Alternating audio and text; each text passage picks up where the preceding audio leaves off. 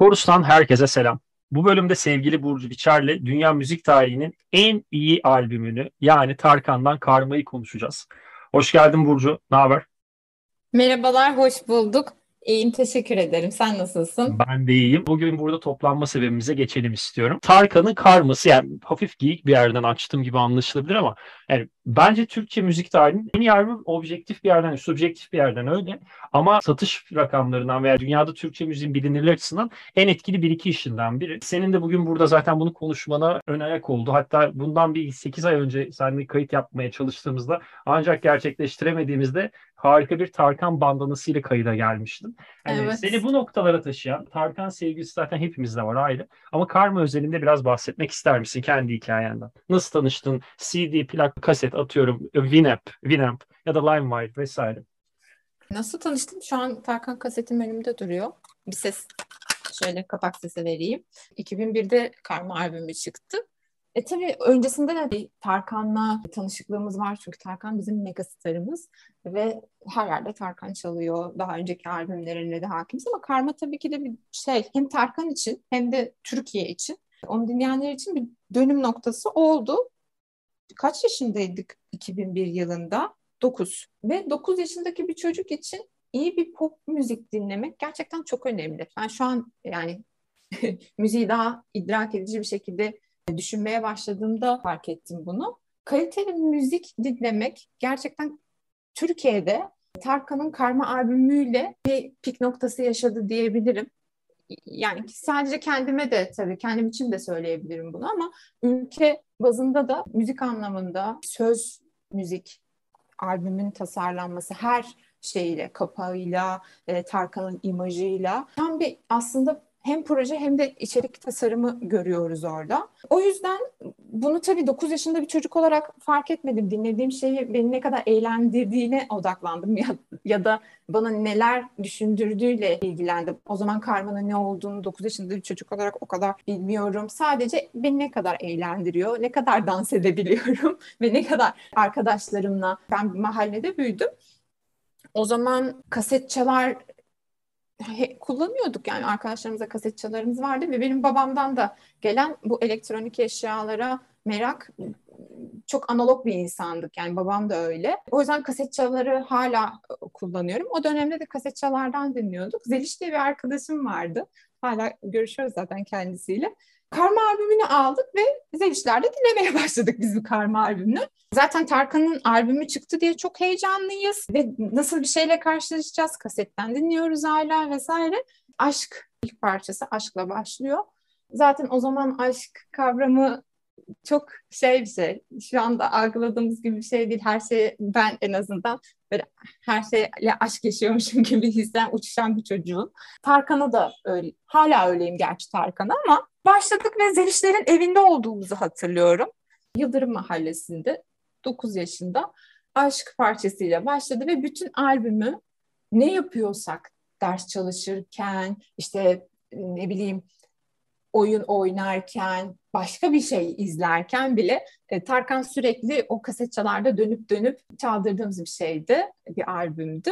Bu şekilde tanıştığımı hatırlıyorum. Daha sonra 2001-2002 Dünya Kupası'nda tabii ki de Tarkan'ın da etkisi oldu ama oraya ayrı bir parantez açalım istiyorsan. Tarkan'ın 2002 Dünya Kupası öncesinde zaten hani o dönemki marka anlaşması Pepsi ile yaptığı Bir Oluruz Yolunda şarkısı aslında bu albümde yer alan Taş'ın bir uyarlaması.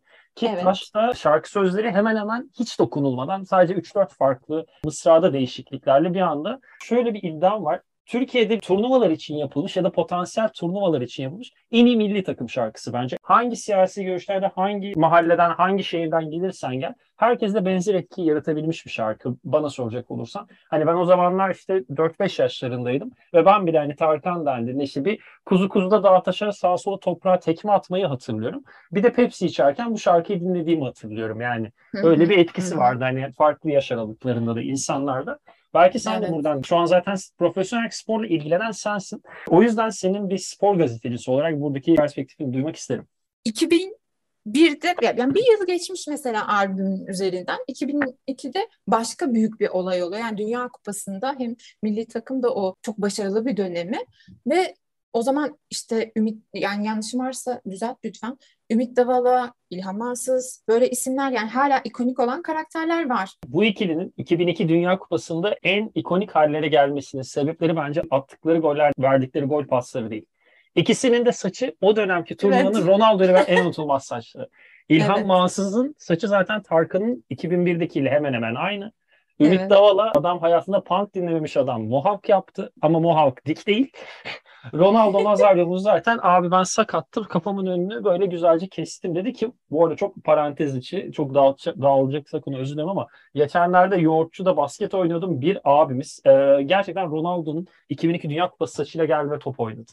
Bunu da unutamadım. Bunu paylaşmak Bunu yaşatmalıyız. Bunu yaşamadığımı paylaşmak istedim. Lütfen devam et. Özür dilerim. Gerçekten uluslararası düzeyde bir başarıya doğru gitmesi bence Tarkan'ın büyük bir etkisi oldu. Arar buluruz gibi bir şarkıyla biz o Dünya Kupası'nda şu an düşündüğümde gerçekten zaten çok önde başlamıştık. Yani takımın potansiyelini mesela ben şu an konuşacak şey de değilim ama o döneme baktığımda şu anki dönemde gerçekten bir spor organizasyonunun müzikle sadece onu tanıtmak, öne çıkarmakla alakası yok. Çok organik bir bağının olduğu da bence 2002 Dünya Kupası ile Tarkan'ın Arar Bulduruz şarkısıyla onun nasıl projelendirildiğiyle çok yakından ilişkisi var. İnsanların belki de Türkiye'nin beraber bir şekilde insanların bu kadar sıkıntıya gömülmediği son dönemlerden birisiydi ve hala ben bir şey kutlayacaksam Tarkan'ın Arar Buluruz şarkısını açıp o şekilde kutlarım. Hı. Ve e, şey galiba e, Sertab Erener'in Erozyon şampiyonası daha sonra oldu değil mi? 2003. 2003'te Everyway'dayken. Evet. yani bu, neydi?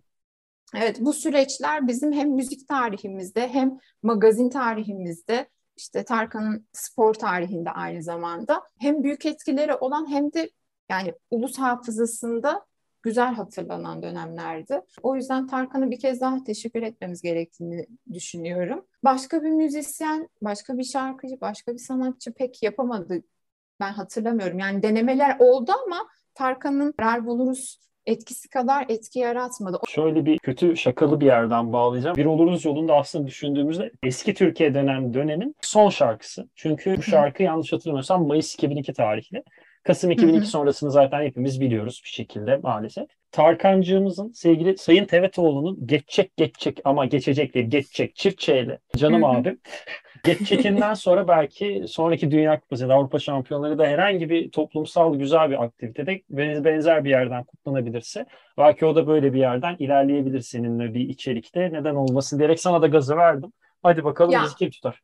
ülke değiştikçe, toplum değiştikçe bunlar hep can, canlılar yani bir organizma ve bu değiştikçe gerçekten insanların algısı, arzu edilen, talep edilen şeyler çok değişiyor ve müzik de buna uyum sağlama konusunda çok esnek bir şey bence. O yüzden ben Tarkan'ın yeni şarkılarına o kadar olumsuz anlamda eleştirebileceğim noktada yaklaşamıyorum. Çünkü şey de değil ama bu. İnsanlar çünkü bunu istiyor. Tarkan ne yaparsa okeydir gibi bir şey değil. Artık devir değişti.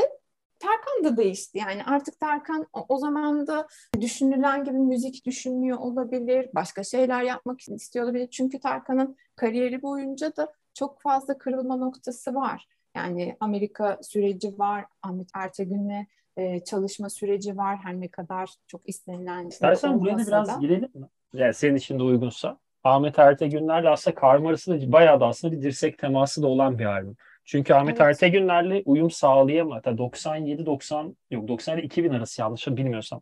Tarkan işte New York'ta, Los Angeles'ta ve Paris'te bir 3 senelik bir süreç geçiyor Türkiye dışında. Bu süreç zarfında işte zaten daha caz diyemeyeceğim ama daha böyle caza yakın tonlarda bir şeyler daha internasyonel işler üretmesi için Atlantic Records ve Ertegünler Tarkan'ı motive etmeye çalışsa Tarkan'ın içindeki o Yağız delikanlı yok abi ben pop yapmak istiyorum ama kendi istediğim gibi yapmak istiyorum noktasında.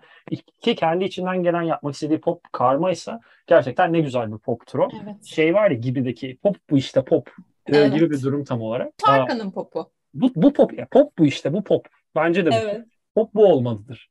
Böyle Hı-hı. de inanılmaz cümlelere falan girdik. Neyse şakası bir yana Bu doğrultuda ertesi günlerle o dönemki magazini biraz araştırdım. Daha böyle benim kulağıma çocukluktan kalma. Daha böyle gergin bir şekilde aralarındaki bağın koptuğunu hatırlıyormuşum. Ama aslında öyle değilmiş. İki tarafta gayet medeni ve profesyonel bir şekilde. Yani olmuyor abi o zaman kendi yollarımıza gidelim diyor. Ve aslında evet. Erte Günler'le anlaşamaması ama Erte Günler sayesinde farklı müzikleri, farklı coğrafyaları da deneyimlemesi ona karmayı getirdi bence. Hani benim bence en azından de. okumam o. Hani Tarkan zaten çok iyi bir pop müzisyen. Çok iyi bir müzisyen aslında pop müzisyeni de olmasının haricinde. Ama ona farklı dokuları ve farklı daha şarkı sözü yazarlı ya da Mete Özgencil ya da işte Nazan Öncel, Masar Alanson gibi isimlerle ya da Ozan Çolakoğlu vesaire kimlerle işbirliği yapması gerektiğine de daha sarih karar verebilmesini bence sağladı. Bu süreci diye bir ufak ertesi gün parantezi açtım biraz da uzadı. Lütfen devam et. Böldüysem özür dilerim. Yok estağfurullah. Çok güzel anlattın zaten. Yani ben de şöyle bir şey ekleyebilirim. Ahmet Ertegün çok tabii ki de önemli bir isim. Hem Türkiye tarihinde hem Amerika'da. Çünkü Atlantic Records diye bir şirket kurup burada çok önemli isimleri müzik dünyasına katıyorsun ve orada bence birazcık Tarkan'ın tabii ki de pop algısı, yapmak istediği müzik algısı çok etkilidir. Ama birazcık o vizyonun uyuşmamasıyla da alakalı. Yani Tarkan makam müziğinden gelen bir müzisyen ve şu anda bile çıkarttığı en pop şarkıdan düzenlemesi en pop, en alaturka bu şeylerde olan albümü bile aslında makam müziğine müziğiyle dirsek temasında olan çalışmalar. Tarkan çok da duygusal bir insan gibi gözlemliyorum ve Öyle oradan ama. kopuş oradan kopuş her zaman çok kolay olmuyor. Yani müzik ne kadar bilimsel bir şey olsa da aslında bir yandan da böyle bir şey. İnsanlar Tarkan bile olsam bir şekilde o dönemin yansıttığı şeyi ortaya koyuyorsun. Ve Ahmet Ertegün de çok şey bir karakter. Dominant. Evet hem dominant hem de böyle müziği daha matematik ve şey düşünen bir karakter. Teknik Form düşünen müziği. bir karakter. Evet. Onun Son Sultan kitabında çok güzel anlatıyor e, Ahmet Ertegün. Tarkan bölümü yok diye biliyorum ama orada rock'n'roll'un yükselişinde Ahmet Ertegün'ün ne kadar etkisi olduğu anlatılıyor. O yüzden bu iki karakterin bir araya gelmesi sonucu ortaya ne çıkardı? Ben çok merak ediyorum aslında. Karma albümünden daha farklı bir şey çıkardı. Fakat Karma albümü de bundan sonraki süreçte tabii ki de işte Tarkan'ın dediği gibi değişip gelişen bir şekilde daha Türkiye yapısına uygun, Tarkan'ı yansıtan ifadelerin oldu ve dediğin gibi çok önemli müzisyenlerle çalışmalar. Yani Mete Özencil Türkiye tarihinde gerçekten çok önemli bir müzisyen, çok önemli bir söz yazarı. Hala yani ben dinlediğim şarkıyı bunun söz yazarı kimdir kesinlikle Mete Özgencil'in bir etkisi vardır diye açıp baktığımda karşıma muhakkak Mete Özgencil çıkıyor. Çok önemli karakterlerden birisi. E tabii orada Sezen Aksu'dan kopuş da var biraz Ant. Sezen Aksu'dan artık onun himayesinden. Her yani zaten Tarkan çok fazla Sezen Aksu'nun himayesinde olan bir insan değildi ama çalışmaları çok güzeldi. Müziğe biraz daha müziği düşünerek yaptığı albüm kapağına kadar düşünüp orada bir felsefeyi ortaya koymaya çalıştı albüm olduğu için bütün çalışma arkadaşlarıyla bunu benimseyip yaptığını düşünüyorum. O yüzden karma albümü zaten hala insanların üzerinde düşünüp Türkiye tarihinde de çok bu örnekte albümler olmadığı için sarıldığımız, sıkı sıkı sarıldığımız bir albüm gerçekten. Bu arada bu eklediklerine ben biraz da şöyle bir şeyleri daha bahsetmeni rica edeceğim. Senin için de uygunsa. Mesela Mete Özgenci'nin yazdığını fark ettiğinden bahsettin. Bu Mete Özgenci'nin şarkı sözü yazarlığı bu albümde uzak, ona sor ve verme şarkılarında. Başka Tarkan haricindeki örnekleri nerede? Birazdan Mete Özgenci'nin şarkı sözü yazarlığı, Mete Özgenci'de has yapan noktaları açabilir misin bize? Senin için evet. zahmet olmazsa. Ya şöyle Mete Özgenci'nin başka bir müzisyenden örnek vereyim. Hande Yener, Hande Yener'in 2000'lerin başında Apayrı diye bir albümü var. Çok kısa tutacağım burayı. Yani mesela Hande Yener'in Apayrı albümü de Tarkan'ın kariyerindeki karma albümü kadar olmasa da bence Türk pop tarihinde çok önemli bir yeri var. Oradaki neredeyse hemen hemen bütün şarkıları da Mete Özgencil yaptı. Biz Türkçe dinleyip söze gerçekten bu sözü kafamızda döndüren, yani kendim için konuşayım bu podcast kaydediyoruz sonuçta. Müziğe tabii ki de önem veriyoruz. Sesle ilişkimizi tabii ki de başka kuruyoruz ama söz yakalayan şey söz oluyor ve Mete Özgencil toplumun o sözleri ne kadar adapte olacağını o kadar iyi çalışmış diyeyim. İyi çalışmış ki verme dediğin gibi verme ona sor. Yani karma albümünde en çok yani bütün şarkıları zaten Karma albümünün çok popüler olmuş. Uzak biraz daha arka planda kalmış çünkü onun müziği de biraz daha böyle kulüp elektron... Evet. Hani o albümde biraz daha ayrı bir yerde duran ama yine sözleriyle ya bu şarkı biraz elektronik altyapılı ama sözlerinde Mete Özgencil etkisi olabilir mi diye konuşulup ve bu kadar yeniliğe açık olan bir söz yazarı, bir müzisyen olduğu için bence pop tarihinde bence gözden kaçmıyordur. Yani ben ben biliyorum ve benim çevremde de bayağı biliniyor. O yüzden Türk popunda önemli bir isim Hande Yener'in. Daha başka aklıma gelmiyor şu anda ama benim böyle ikonik albümlerimde Hande Yener'in Apayrı albümünde hep böyle Metin Özgencil'in etkisi vardır. Ümit Sayın'la da bir etkileşimlerini biliyorum. Ümit Sayın da çok sevdiğim bir müzisyen. Hani bu insanlar zaten hem 90'lı yılların müziğini şekillendirmiş insanlar 2000 başlarına kadar. Hem de gerçekten kaliteli yani müziği düşünen sözlerine, tek bir notasına, hangi enstrümanın kullanılacağına dair müziği bütün olarak düşünen insanlar.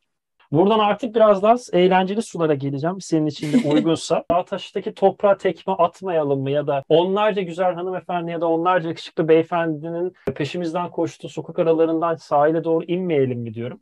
Ve kuzu kuzuya doğru gidelim diyorum. Senin için de evet.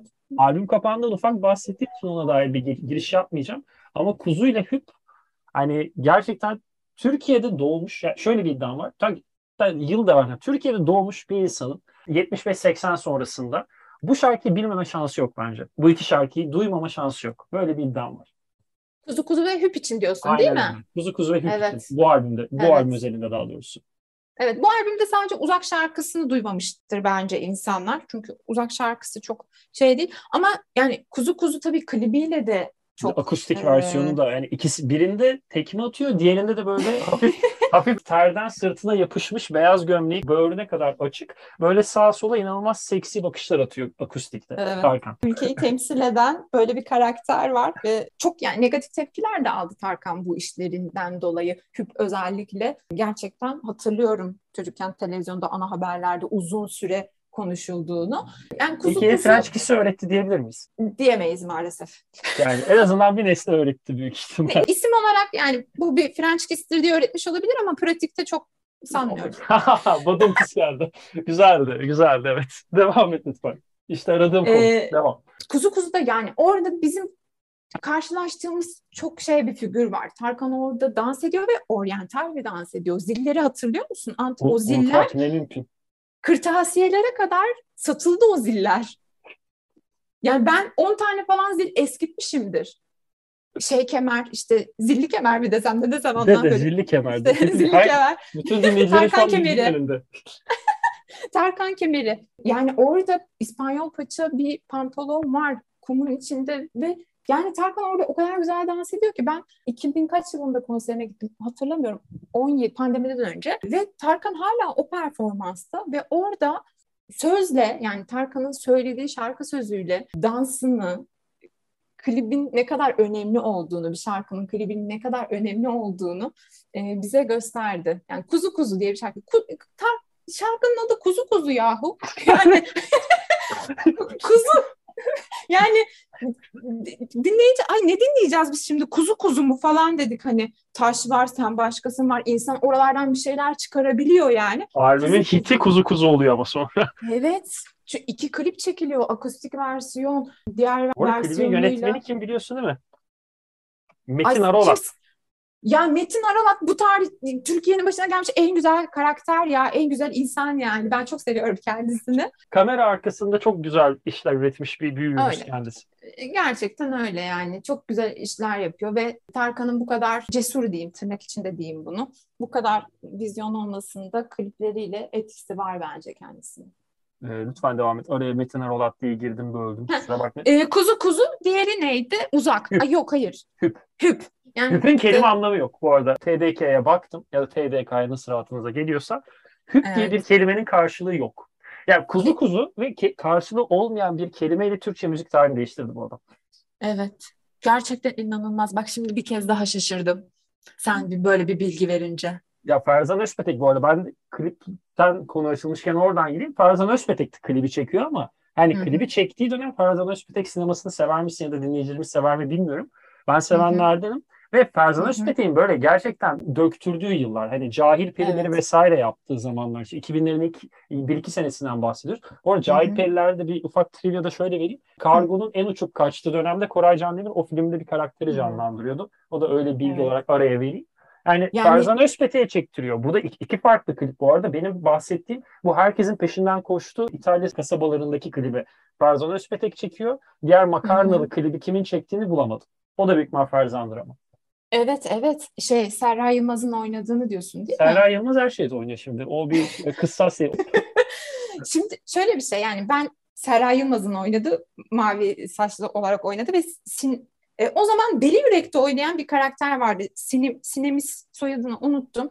Türkiye'nin önemli modellerinden biri vardı. İkisinin işte French Kiss yaşadığı klipten bahsediyorum.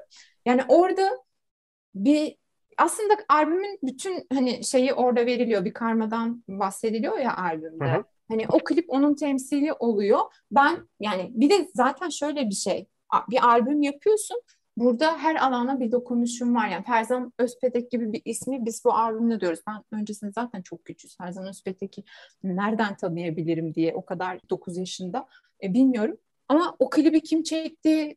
Saatlerce, günlerce ana haberlerde konuşuldu ve o zaman Ferzan Özpetek gibi bir yönetmenimiz olduğunu öğrendim ben. Klipte yani Kazak sahnesini hatırlıyorsun mesela. Çok mümkün değil. Yani büyüyelim de bu sahneyi yaşayalım diye çok yıllar saydık. Evet ha, hala sen gençler var. Hani 16-15 yaşında olan olan 20'lere bir gelelim de bir kazak giyelim bir Böyle. tekmeden. evet. yani burada her şeyi şekillendiren bir yapım var. Sinema bilgini şekillendiriyor. Müzik bilgini zaten şekillendiriyor. Moda algını geliştiriyor. evet. Gerçi konusunda şey değiliz. Fikir sahibi fikir yapıyor. Değiliz. Fikir evet. veriyor en azından. Bu böyle yapılabilir. Yani bu mü- müthiş bir hizmettir. Harika. Yani Tarkan bu ülkenin hem megastarıdır, hem yıldızıdır, hem de baş öğretmenlerinden biridir. Burcu yani çok teşekkür ederim. İyi ki geldin. Biz sen yani bu bölümün notlarını eski bilgisayarımdan sabah kendime yeni bilgisayarıma mail atarak e, tekrar erişebildim. Düşünün sevgili dinleyiciler kaç aydır bu, bu bölümün gerçekleşmesi planlanıyor. Ama Burcu'nun da benim de anormal yoğunluklardan dolayı bunu gerçekleştirme şansımız olmamıştı.